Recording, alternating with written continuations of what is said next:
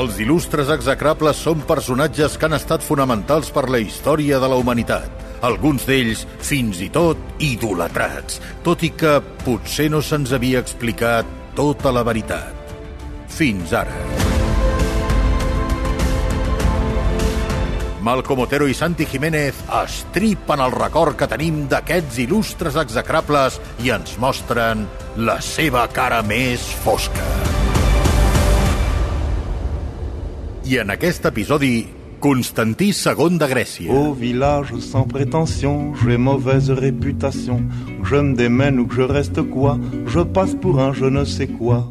Avui li traurem la corona a Constantí II Hombre. de Grècia. Hombre, Últim rei dels Helens, que això no és un personatge del Senyor dels Anells. Últim rei de los índaros. De los hombres, de los primer- No, príncep de Dinamarca i el que els seus amics. I nosaltres, a partir d'ara, li direm Tino.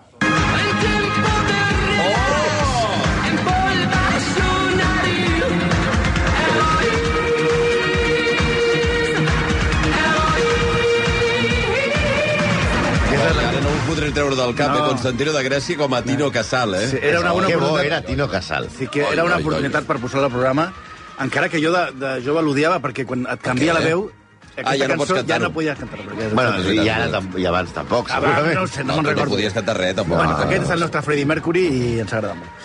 Que, per cert, no es deia Constantino, sinó Celestino. Però bueno, era, Ah. era Tino igual, eh? També està clar que a, el seu productor va dir con Celestino no vamos a ningún lado. Vamos con. Ponte Tino. A veure, normalment, normalment en aquesta secció comencem amb la infància dels nostres execrables, però avui començarem abans de la Molt infància. abans. Perquè s'entengui bé. Només direm que el nostre execrable va néixer a Psíquico. Sí, Psíquico? Sí, que sembla que es pronuncia psí- psíquico, o psíquico. Psíquico.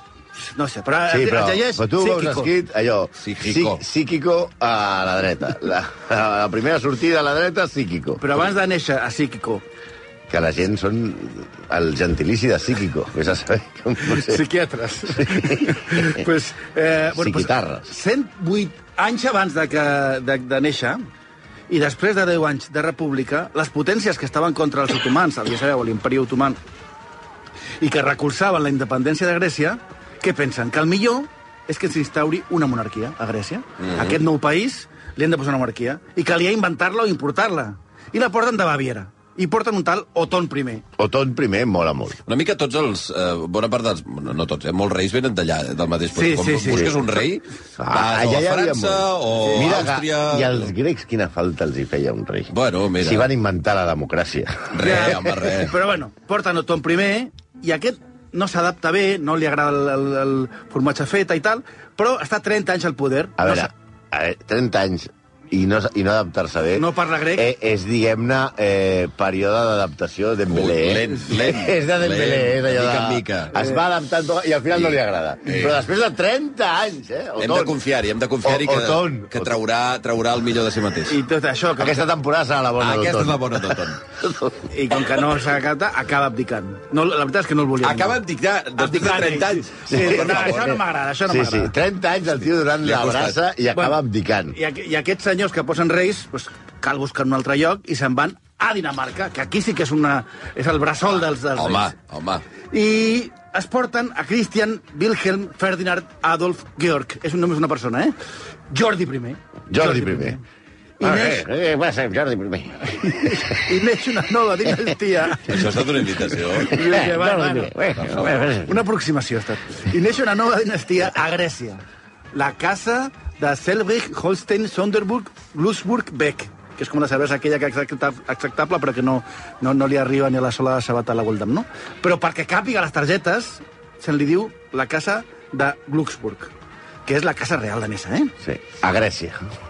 Per cert, Glucksburg, per fer-ho encara més complicat, és un lloc a Alemanya, però bueno, és igual. La cosa és que Jordi I, aquest sí, va aprendre grec. Ah. Li agradava el formatge feta.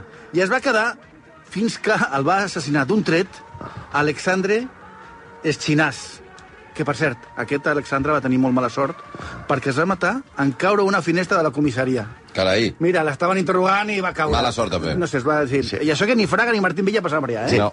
A, a, a, el Jordi I el va succeir el seu fill, que no es deia Oriol, sinó Constantí I, Tino I.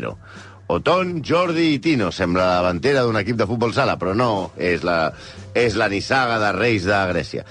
Eh, Tino I va haver d'abdicar al seu fill Alexandre I, que només va estar 3 anys al poder perquè, atenció, Què va passar? el va mossegar un mico Què? i va A morir. A Palau, a Grècia. Però des de quan hi ha micos a Grècia? Bueno, suposem que va morir per una infecció de la mossegada. No perquè tinguessin una mona del tamany de King Kong que el agafés un dia Ah, i li no, arrenqués... vaja, suposo que no. no. Suposo que va ser per la infecció. Després d'una segona abdicació de Tino I, va arribar l'oncle de Tino, Jordi II. Ara, ara. Aquest va ser un desastre majúscul. Ah, tampoc? Sí, sí, estava explicant eh, eh, el, el context on va arribar eh, Tino II, eh? El nostre home. Tino, el Jordi II va ser un desastre majúscul, com deien, abdicacions, dictadures, inestabilitat, la Segona Guerra Mundial, i en, guanyar, en acabar-se la guerra i guanyar un referèndum, va i la palma. I aleshores aquí posen el nostre home, no, encara no, espereu una miqueta, posen el seu germà Pau I. Tau, a Pau I tampoc li va anar gaire bé. Guerra civil, escàndol per les seves relacions amb un gigoló americà, Hosti, perquè què es va prendre molt seriosament això de fer-se el grec, i explicar Va, els va, va. antecedents familiars que podia, que podia sortir malament. Així, arribem, després d'aquesta nissaga de reis desastrosos, arribem al nostre home. Va, Tino, que surts a jugar. Ja veiem que aquesta... Calienta, Tino. Exacte. Ja anaven calents, ja. Ja, ja, no, No, home. ja es veu que aquesta monarquia no, ja, no, no, no, no anava del tot bé. Si us fixeu, són tots nous, perquè són primer i segon. No hi havia Alfonsos XIII, no? No, cosa que tampoc garantitza Eh, eh, que siguis el 13 si fossis bon rei, eh? Però abans de ser rei, doncs, eh, quan era príncep, Tino va viure exiliat i estava molt unit a la seva mare. Potser massa. Potser massa. I Ai. la veritat és Ai. que li agradava molt l'esport. Li agradava el carat i tal. Mira, com a, com a, com a Rajoy. I Massa? Li agradava, també? no, va voler competir... Eh, veia karate, però volia competir en hípica. Però el seu pare... Clàssic, eh, també, dintre la Home, no. monarquia. No, a Però veure, el seu què vols, va que dir- aixequi pedres? No, no Si jugaran és un a... rei, hòstia. Efectivament, no jugaran a squash. Però el, el seu pare Pau li va dir no, que els cavalls no eren cosa de grecs. No. Que el, el dels grecs era la vela. Ara. I els minotaures, eh? Però, però no podia, no podia anar... El, el, el Minotaure no era... La doma de Minotaure No, no... estava eh, reconeguda. No estava reconeguda I la olímpicament. qüestió és que es va apuntar aquí al curset de l'estiu de, del Casal i va acabar sent or olímpic Què dius? a Roma 60. Sí, senyor. I va trobar... Bueno, de fet, quan un rei participa als Jocs Olímpics, i ho hem vist, és bastant fàcil que acabi en les medalles, eh? Fins i tot Per els que es casen amb, amb, amb les filles dels Sigui reis. per A o sigui per B. Sí, perquè sí. I va trobar una xicota, que era la seva cosina carnal danesa, Anna Maria de Dinamarca. Però això era molt important. Però la va trobar allà als, als Jocs no, no, Olímpics. la va trobar a una festa perquè estaven intentant casar a la seva eh, germana, que ja en parlarem, amb un príncep d'allà, i en aquestes festes, que això no va funcionar, Sí, la, la, la germana de, de Constantino us sonarà. us sonarà. El, aleshores, la, la volien casar amb Harold de Noruega, o a Sí. Harald de Noruega, a Haaland de Noruega, Vés a saber què hagués passat, eh? Haaland. Mira, Si tindríem, de, Haaland. tindríem ara el rei a Haaland i marcaria molts gols. i, aquí, i estaven allà festejant, i aquí, mira, va conèixer Anna Maria de Dinamarca. I però era important tenir, una, tenir nòvia perquè era important que no pensessin que això dels gigolos era una cosa de família. Sí. Per cert, hi ha una cosa curiosa, que és l'escut Sí, no sé. d'armes... l'escut veure. les- L'acabo de penjar al Twitter del, del programa. I me l'heu donat imprès, aquí, sí. Sí.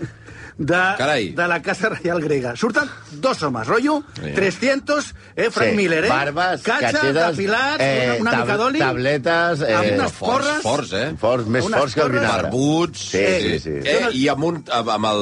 I amb, una porres, amb unes porres enormes, eh? Amb unes Sí, porres de- enormes. I també, i també porten un bastó al costat. No, i porten com una mena, anava a dir un taparrabos, com es diu això? Una... Sí, Taparrabos. Bueno, home, no, No, però, però aquí, aquí no hi ha... No, hi ha, no, hi ha, no, hi ha, No, però hi ha un lleó aquí davant. Sí, Sí, perquè és que no hi ha. Pell de lleó per tapar aquell rabo. Ah, escolta, va. Per, perquè és Hèrcules, però és raro, eh? Sembla, sembla que van escollir un dissenyador d'escuts rotllo hacendado o van agafar a Heraclo Fournier, perquè és una mica de cartes d'aquestes per, per jugar. semblen Eh? una mica la sota de bastos, eh? Sí, sí que és veritat. Sí, bueno, bueno, és això. Bé, doncs Tino arriba a manar a una Grècia molt dividida. El que ara dirien els cursis polaritzada. Ha passat per una guerra civil entre comunistes i monàrquics en la que han mort eh, 100.000 persones. Carai. I estan tots una mica emprenyats. Diguem-ne, amb tensió. Com tu diries, Bundó, en espiral de violència. Que cabró. Hi ha, hi ha dues faccions. Els dretans monàrquics i els de centre republicans. Deixeu ni un de viu, eh, de veritat. És una cosa. No confien en el rei, cap dels dos, que es creuen controlat, a més, per la seva mare. I mira tu, quina mala sort, les eleccions que es, que es fan eh, quan ell arriba al poder, les guanyen els republicans de Yorgos Papandreou. A veure, serà confús amb els Papandreou perquè aquesta família és com la dels Kennedy als Estats Units. N'hi ha molts i tots, a més a més, es diuen Yorgos Papandreou. Però aquest era de centre, centre-dreta, i els que va venir després, el que li sonarà a la gent que hagi llegit alguna vegada un diari, era socialista. Guanyen les eleccions i Yorgos Papandreou es fa primer ministre. Poc després de ser nomenat, les forces armades diuen este nos lo vamos a cargar i Papandreou decideix controlar-les ell mateix. Però el rei es nega. Ah, amigo! Li diu, les forces armades són meves. Una Ara, mica com va ara. passar aquí el 23F. I què fa? Destitueix Papandreou. Però què fa?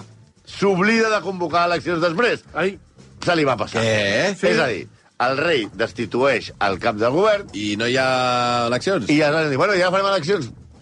Eh, Ja- ja ho farem, eh, És ja que he, farem. he, he, he, quedat, he, quedat, he quedat, em va molt malament, ara no puc. Bueno, aleshores el rei enumera ministres conservadors Clar, quan li diuen és que no tenim govern, bueno, doncs ja, ja, nomeno, ja, ja, nomeno uns quants, no passa I ell res. aconsegueix ministres conservadors que, òbviament, amb el- amb l'ambient que es respirava a Grècia, no aconsegueixen estabilitzar el país. Cinc primers ministres en dos anys. Què dius? No Cinc- cinc primers ministres? Sí, una mica Jesús Gil quan estava a l'Atlético de Madrid. I anar, i anar traient gent, eh? Vinga. Uh, I, diguem-ne I aquí no es va plantejar en cap moment fer unes eleccions, no? No, no, no, no, és que No, tenia te... no tenia temps. No. Escolti, és que això traieu-lo i posem-ne un altre. Haig d'anar, haig d'anar a muntar cavall, No, haig no, d'anar no, a cas- de cacera i tal. Home, no. Bueno, evidentment, eh, el Regne Unit, que hem vist ara... Una mica... Has vist el que està passant al Regne Unit, que van canviant primers ministres allò... Van saltant? Van saltant, doncs, llarg. això seria una estabilitat monolítica amb el que es vivia aleshores a Grècia, una successió de titelles que el rei anava posant. Això no pintava gens bé. En este juego solo tengo una vida, por eso descargo plomo para que mi vida siga. Me llaman demente, puede que sea cierto. Me gusta la explosión, eso no es nada nuevo. Pisar los cráneos. Passat, eh, Malcolm, tu i el... no, no, hip-hop. això horrible, això horrible és rap militar, no ho havia Com descobert. rap militar? Rap militar mexicà, sí. Sí, Hòstia. pisar los cráneos. Mare meva. Home, Mèxic ha guanyat mogollon de guerres amb aquestes cançons. No han passat a los narcocorridos a los narcoraps. Mm. Bueno, aquest, aquest és militar. I té, direu, què té a veure eh, Grècia i Tino... amb Res. Me- No, a Mèxic res. Però en aquest militar bastant. Antecedents, antecedents. A veure.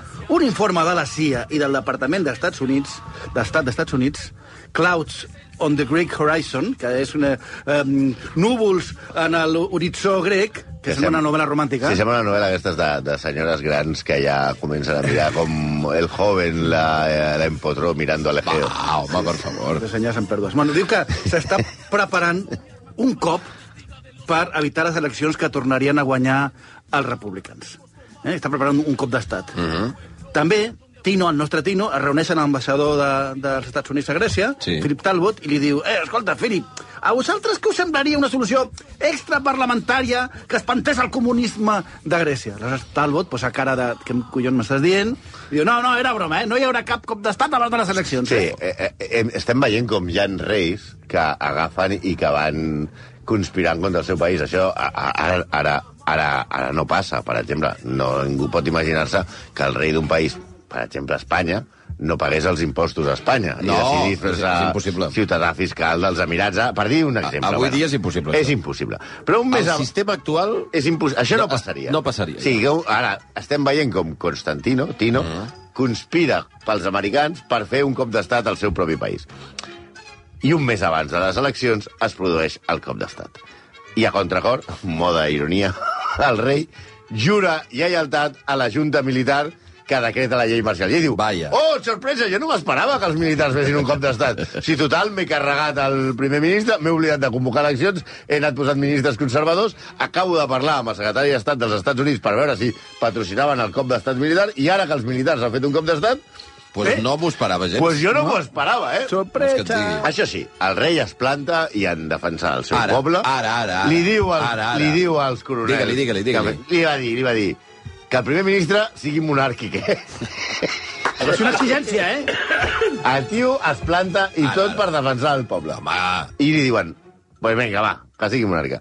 Aleshores, Tino es queda tranquil. Mentrestant, els militars detenen més de 10.000 persones sense judici i el cap militar, atenció que es deia Papadopoulos, sí senyors, com el dolent de Tintín, que pels de l'ESO Tintín era un còmic de quan els còmics s'entenien, No. no estava del rei, però li convenia que estigués allà. Mentre el rei feia coses de rei, mm, que no toqués massa els pobrots. Ell feia relacions diplomàtiques, visita a Washington, i allà li van dir, mira, Tino, això la dictadura contra el comunisme a Europa tampoc ens acaba d'agradar perquè és bastant liós. Caldria passar, pensar en un altre model. I Tino s'engorila i comença a dir, ostres, això del cop d'estat que m'han fet m'ha sortit bé, i si ara faig jo un cop d'estat? I Tino, ell, ell diu, comença a formar un exèrcit suficientment gran per crear un govern paral·lel a Salònica. Qualsevol que hagi estat a Salònica entendrà, a una pista de bàsquet, entendrà que ja no hi ha govern, ni hi ha merda, ni hi ha res. Però bueno, ell intenta crear un... un... intenta dominar-los. a intenta Salònica. dominar els, els de Salònica. Sí, sí. Però què té que tu, quan tu vols reunir un exèrcit gran a Salònica? Home, doncs que se't nota. Ah, sí. Que, que crides una miqueta Home, l'atenció. D'amagat no ho pots fer. Sí, i Papadopoulos, que com els que heu llegit Tintín ja sabeu que era dolent però molt llest, Sí. se n'assabenta Ara... i frena el pla mestre de Tino. I què ha de fer Tino? Que mas ajudeu-me i a l'exili a Roma. Hombre, hombre, hombre. També és veritat que la dictadura va perdent força i fins i tot hi ha una cosa molt graciosa que és es converteix en república. És una dictadura republicana. Està bé. Sí, sí, és una... Eh, som dictadura militar, però som també república. Perquè no hi ha rei, El llavors. que no ja. fa- Clar, Faci- perquè no. el que volen és fotre... No, intenten que torni, Tino, un moment, però ja està tot, les relacions estan molt Ja complicades. Saps què? Papadopoulos no es fiava. I diu, què? Ni Saps què? Ara farem una república. Papadopoulos tirava triples, només. Visca la, Ara, però no era una, una república dels somriures, eh? No, no era d'aquestes. visca la república, va dir, no? Aleshores, exacte. Doncs Constantí eh, es nega a acceptar-la Des de Roma. des de Roma. I al 74, per fi, a Grècia, es produeixen les, les eleccions ja, ja lliures, i guanya el d'Aratà i antic, antic aliat de Tino, monàrquic, Constantinos Karamanlis. I el, i, el, I el Tino diu, eh, ha guanyat Aquest és el meu, meu. ha guanyat el meu. Però què fa, Cara? Una cosa que sorprèn molt al rei. Planteja un referèndum sobre si monarquia o república. Oh, Hòstia. fort, això. Que fort. Per què els grecs Oh. són els millors i van inventar la democràcia? Perquè fan referèndums Oh, i voten! oh, oh. I voten! I què va dir la gent de la No tenim collons a un grec dient que no pot votar. El 68% dels grecs decideix que... República! Ai, ai, A ai, veure, ai. Això aquí no passaria. Això l'amic del rei, eh? A- sí. Això aquí no passaria, eh? No. No, passaria, en no. absolut. A veure, què passa que amb Tino? Que no ho accepta, fa un Bolsonaro, Un no altre t'arregla. Fa un Bolsonaro, fa un Trump, però no té, no té forces per anar al Parlament a, a, a envair. Aleshores, què? Pues marxa a Roma. Un altre i, cop. I sí, torna a marxar a Roma, diu, mira, això ja està, i després a Londres. I comencen les males relacions entre Tino i Grècia. La, què? que ara Grècia és de veritat una república. Oh, clar. Ara, re, Ara república, república. Perquè el primer que fa Grècia és dir, escolta, i els impostos de totes aquestes propietats? Ara, que no ara. has pagat mai. I, vaja, És el que típic- també se li va oblidar, quan va dir allò de nomenar primer ministre, també se li va oblidar fer la declaració de renta. Això és un petit detall. I el- molt enfeinat, tu. Però, però és, és, és el, típic, el típic divorci lleig. Ah, sí, sí. Sí, sí. aleshores, l'any 92 El 92, eh? arriben a un acord pel qual li retornen perquè havia, havien, havien apropiat les propietats al Palau de Tatoi, que és el palau mític de la, de, de, la, de la dinastia grega, i li permeten recuperar les seves pertinences personals i familiars, vull dir, les quatre coses que s'havia deixat. És allò quan surts del talego et diuen aquí te, el rellotge, vés a, vés a buscar el, el rellotge i tal, i, sí, i a veure, a veure, però és que aquí entra un debat general que també tenim en aquest país, Sí, Espanya. segur. De qui són les coses que tu t'han regalat quan ets rei? Home, està Són claríssim. teves o són del país? A- a- El debat a Espanya jo crec que tanca ràpid, eh? Està bastant tancat, eh? Papandreu, no el d'abans, el seu fill, el 1984 va confiscar per l'Estat les propietats reials. Tino va recórrer al Tribunal d'Estrasburg, recolzat per qui? Per, per Espanya. Ah, bueno, home, normal. I el van indemnitzar amb 14 milions de dòlars. Va guanyar? Bueno, guanyar, ell volia més, però bueno. Però a més, eh, després de pagar-li 14 milions de dòlars per les expropiacions, diguem-ne, de, de, dels béns immobles, de, de les cases que tenia, li van dir, et pots emportar les teves coses. però no pensaven que el tio aniria. I s'ho emportaria tot! Tot és Tot és tot. El tio va arribar amb aquests de... amb, amb, amb els tios aquests de subhastes salvajes de... Ara, ara. I va dir... Un camió. Un, un Vinga. 14 camions. Hosti. Tant és així que s'ho va endur tot i l'any... I què va fer quan ho va tenir tot? S'ho va vendre. Ara, ara. A l'any 2007, a Sotheby's, Tino subhasta les pertinences reials i treu la gens menyspreable xifra de 18 milions de dòlars per vendre el relicario de l'abuela. Perquè ell, ell volia les Compro. coses de la família. Compro Clar, oro. dir, no, Els quatre- t'ho- els quatre donem. Allò, els àlbums de fotos, Ara. Exacte. allò, Ara. la ploma de l'avi, el rellotge del papa, les medalles d'Otón... Res, i tal. No, el tio... s'ho Quatre va- coses el que tio tenen un valor bàsicament sentimental. Va d'Espanya... Bueno, se'n van dur hasta la Thermomix. I el tio... I les va posar a subhasta a Londres i va treure 18 milions de dòlars. Grècia, Grècia es pensava, el govern grec, que havia tret això, les fotos, les sabates familiars, suposa, però no aconsegueix aturar la subhasta. Resultat del partit de moment, Grècia 0, Tino 2. Les, les polèmiques en Grècia són nombroses, la veritat. La més coneguda és que per tenir passaport eh, grec a la Nova Grècia, l'Estat li exigia, i encara exigeix, un cognom. Cosa que sembla bastant normal, que si Sí. tu et vas a fer un passaport et posis el cognom. Perquè només té Constantino. No, aleshores, ell, ell volia signar Constantino de Grècia. Com si no tingués cognom. No, ho dic perquè ho dic en castellà, perquè el seu passaport danès ho posa en castellà. Ah, sí, Constantino eh? de Grècia. Ah, sí? Sí, Sí. sí. I no se sap per què ho posa en espanyol. Abans, el, el seu passaport antic deia Constantino, antic rei dels Salens. Sí, era, era com, era, era com el, el passaport d'Aragón. Però amb la llei, nova llei administrativa grega necessitaven cognom. Grècia li va dir, oi, però per què no et poses de Grècia? Constantí, de Grècia, de Grècia el posem un cognom, necessitem un cognom. I ell va dir que no, que ell no tenia cognom. Aleshores, què va fer, què va fer Constantí? Va divulgar en tota la premsa, la premsa anglesa que li havien denegat la nacionalitat grega. Oh.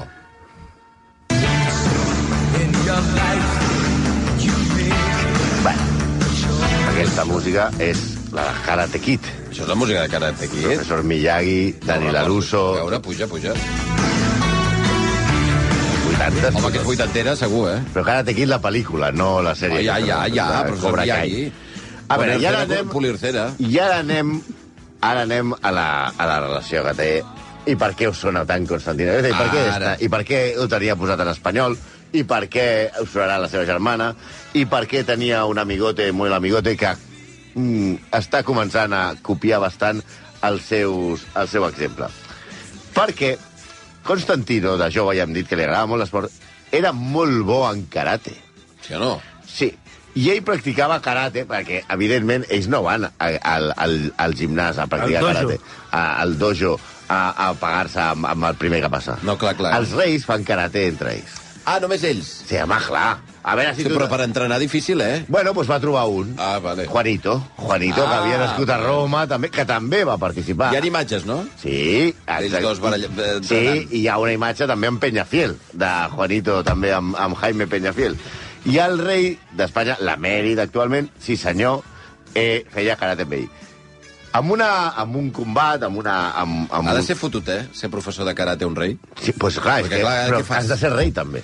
Per ser profe. Pues clar, què li va fer Constantino a Juanito? Què? Li va trencar la clavícula d'un mandoble. Oh! De veritat? Sí, sí, sí, sí, sí. Li va trencar la De clavícula... fet, es va casar el rei, amb, amb, o sigui, li van treure per les fotos, però tenia el braç en cabestrillo, que es diu així. Sí, sí, perquè Home, és el seu cunyat. És que, clar, Ai. li tirava els trastos a la seva germana. Clar, clar, clar, clar, clar, clar. La Ah, germana... perquè encara no ho eren, eh, en aquell moment? No, ah, era allò... Sofía, que es la germana de Tino, Ara. va arribar y va a decir, he conocido a un chico muy majo que parece muy serio y muy y que todo lo que gana lo da en casa. Muy. En casa de Corina. Pero, digo, que va a ser un gran rey. Bárbara, rei. I, Va, home, i, i, favor. i li va dir, i li, i li va dir, i li va dir en el, en el, el Tino li diu, a este tengo que probarlo. I diu, porta'm el que farem karate. Ara. I li van zumbar una patada voladora, li va trencar la clavícula, i clar, evidentment, per cert, ells ja es coneixien perquè Juanito també havia competit als Jocs Olímpics de Roma dels 60 amb vela. I havia guanyat el grec. Ah, tot i aquest accident i aquestes, i aquestes, i aquestes coses que tenien. Van ser molt amics durant molts anys, fins la mort de, de Gatino ara fa poc. Tenien moltes coses en comú. Havien de ser reis, els agradava la vela, els diners, follar... Res podia sortir malament. Però un dels dos deixaria de ser rei i marxava a Roma a l'exili. I gairebé sense res. Després ja he vist que quan que li van deixar endur alguna cosa... Alguna cosa alguna sí, cosa. que al final uns Agafa 30... el que puguis. Res, tres detalls. Sí. Però tant és així que el príncep Juan Carlos li va deixar uns vestits que li anaven com si jo em poso un de Margasol. Mm. Eh, clar, perquè és que l'altre és molt gran. I va començar a ajudar-lo per tenir diners. Eh, eh, Això era amb, amb Joan Carles com a rei, ja, eh? de, de, Joan Carles es fa rei i comença a... A dir, ahora, Tino, te voy a ayudar. perquè Ah, tenen allà, tenen allà el cunyat que no guanya Ja pasta no, i que no... ah, ja no me acuerdo, perquè a més a més els tenien aquí vivint de la sopa boba y la, y la, y la Sofía Diel y todas todas, oye, que, mi- que vienen mis hermanos a comer. Hoy también. Hombre, es que no tienen nada donde comer. Oye, que vienen allá a comer. No, otra vez. Aleshores- Els tenien enganxats com una lapa. Clar, aleshores, JC, el, el, el rei emèrit, que pues, va, dir, va, va in, començar a intercedir amb els seus contactes. I el Els va, amigotes que tenia. I, I agafa el primer que agafes el No hay rencor, Constantino. No, lo de la clavícula está olvidado. Está olvidado. Yo te voy a hacer para que lleves algo de comer a casa y dejes de venir a comer todos los domingos aquí a, a, a menjar el pollastre, que no, Pollastre portes, que no portes ni un tortell. Hòstia. Sí, aleshores aquí parla, el primer- un dels que parla és el Shah de Pèrsia, que és veritat que ja no tenia poder, però sí tenia molts... Molts diners. Molts diners. Amb diversos eh, negocis. El rei JC es va convertir gairebé en el que mantenia Tino. I la família de Tino es passava el dia a la sarsuela, no al teatre, eh? al Palau. Al Palau. Sí, clar, evidentment, el, aleshores, el, hem quedat en que Juan Carlos se'n va a Pèrsia i li diu reza, Palevi, eh, tengo un cuñado que es listo para los negocios que no te lo... Bueno, bueno. Tú que tienes posibles y tienes dinero, eh, déjale un poquillo, financiale. El chaval es bueno. Y verás qué negocio te hace. I així ho fa. Reza, Palevi, Shah de Pèrsia, eh, finança un negoci que va ser una estafa monumental de Constantino, de Sí o no? Grècia. Sí. A veure, ens hem de situar a l'època en què els líders polítics estaven obsessionats amb que els hi fotrien una bomba a sota el cotxe. Un carrero blanco. Exacte, havia passat de Carrero Blanco i això preocupava molt al mandat de I Tino em coneix un enginyer, que és un vendeburres, anomenat Janis Alexeis Mardàs, i entre tots dos se'ls hi acudeix la idea de crear una empresa de cotxes blindats. Ah, carai. I els va fabricar, els va pagar el Xà de Pèrsia, La idea era bona, eh? No està mal. cotxes blindats. Juan Carlos, amb el seu do de gens i campetxania, va convèncer a molts reis i caps d'estat del món, sobretot del món àrab, perquè li compressin els cotxes al cunyau. Que és boníssim aquest cotxe, ja veuràs, sí, anirà cu- molt bé. mi sí, saps allò que El tu vas- cunyau, buah. Mi cuñado Buah. tiene, tiene un concesionario de coches blindados Eh, que te lo deja a mitad de precio. finançament... Dos milions de lliures valien. Res. Sí, res, Res. de l'època. I, per exemple, els compra el sultà d'Oman, el compra l'Aràbia Saudita i tal. Fins i tot, el Tino li va col·locar un a la seva sogra. Els cotxes, eh, com podeu imaginar, no funcionava ni un. Eren un perill. No fotis. no funcionava ni un. No va funcionar ni un. Tots van acabar en el desballestament Ai, i cap ni un ai, va ai, funcionar. ai, ai, ai. És més, en un acte de publicitat, Tino li va regalar a Juan Carlos un jeep perquè es mogués per Mallorca. Jeep blindat, s'entén. Un jeep blindat, eh? O sigui, allò de... Li, es van, van fer un vol, van fer-se les fotos a l'Ola, van sortir per televisió espanyola, van dir que anava perfecte, i a les setmanes estava venut per peces a Londres. No servia ni per ferralla. És brillant, eh? El negoci dels cotxes de Constantino em sembla brillant, eh? Hi havia... Tino Car. Com es deia? No se sap, no? Sí, al, al, al Coto, així una empresa es deia. Ara buscarem. Ara, I aleshores va haver altres negocis del trio eh, La La La. Com un sistema de comunicacions que impedia que s'enregistressin les converses i impedia les escoltes. Òbviament ha funcionat Vist això de. Bàrbara Rey funcionava de meravella. Sí, va, funcionava com el cotxe. Va dir, Juan Carlos, Juanito, tengo un sistema para que no te graben que es cojonudo. Y la grababa la domadora de la fans del circo d'Ángel Cristo. Hòstia. Sí, que no te grabava el Mossad. Te, et gravava Bàrbara Rey. Sí, s'ha de dir que... No passa nada porque tengo el sistema de, de Tino. no. S'ha de dir que JC va fins i tot pressionar el govern espanyol perquè a Grècia li, tornessi, eh, li, li tornés les propietats al seu cunyat.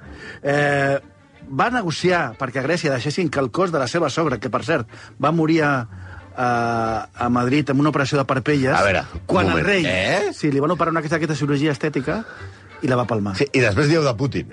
No, li va donar un atac Com ha de morir- com ha de morir amb una operació de a- a parpelles? L'anestèsia, l'anestèsia. Si el... No, a veure, però aquesta anècdota- un rei, la mare d'un rei... el busturí i se'n va fins a dintre, però... No, no. Escolta, aquesta anècdota és molt famosa... ¿Cómo se per- llama el cirujano? Jack. Jack the Ripper. No, no, això és molt famosa perquè el rei estava esquiant a, a Baqueira amb la, amb, amb la Sofia. Ah, i el aquesta rei- vegada va anar amb la Sofia. No, i li van dir, li van dir que s'ha mort la teva sogra. I sense dir-li res a la teva dona va dir que vuelvas a, a Madrid que hay una cosa important. I es va quedar esquiant mentre va arribar i la seva mare era morta.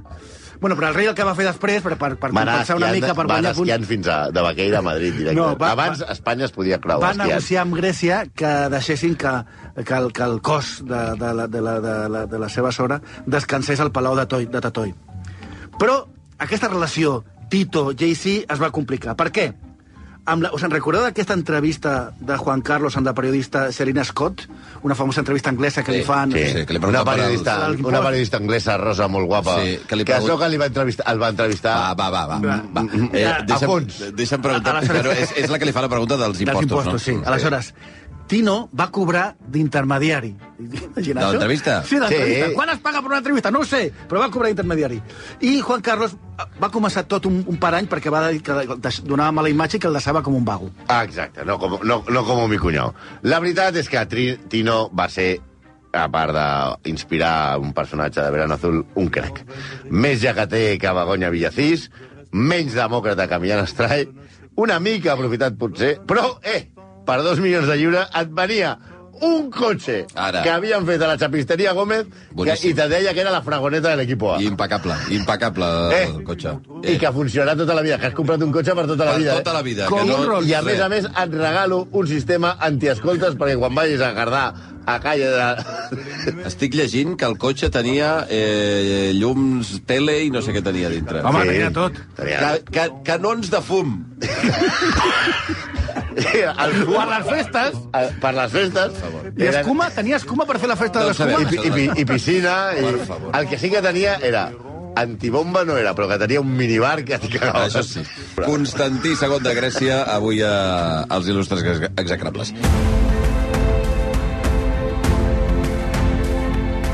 Si vols veure caure més mites, no et perdis la resta de capítols d'il·lustres execrables Gran Reserva a la app de rac i a rac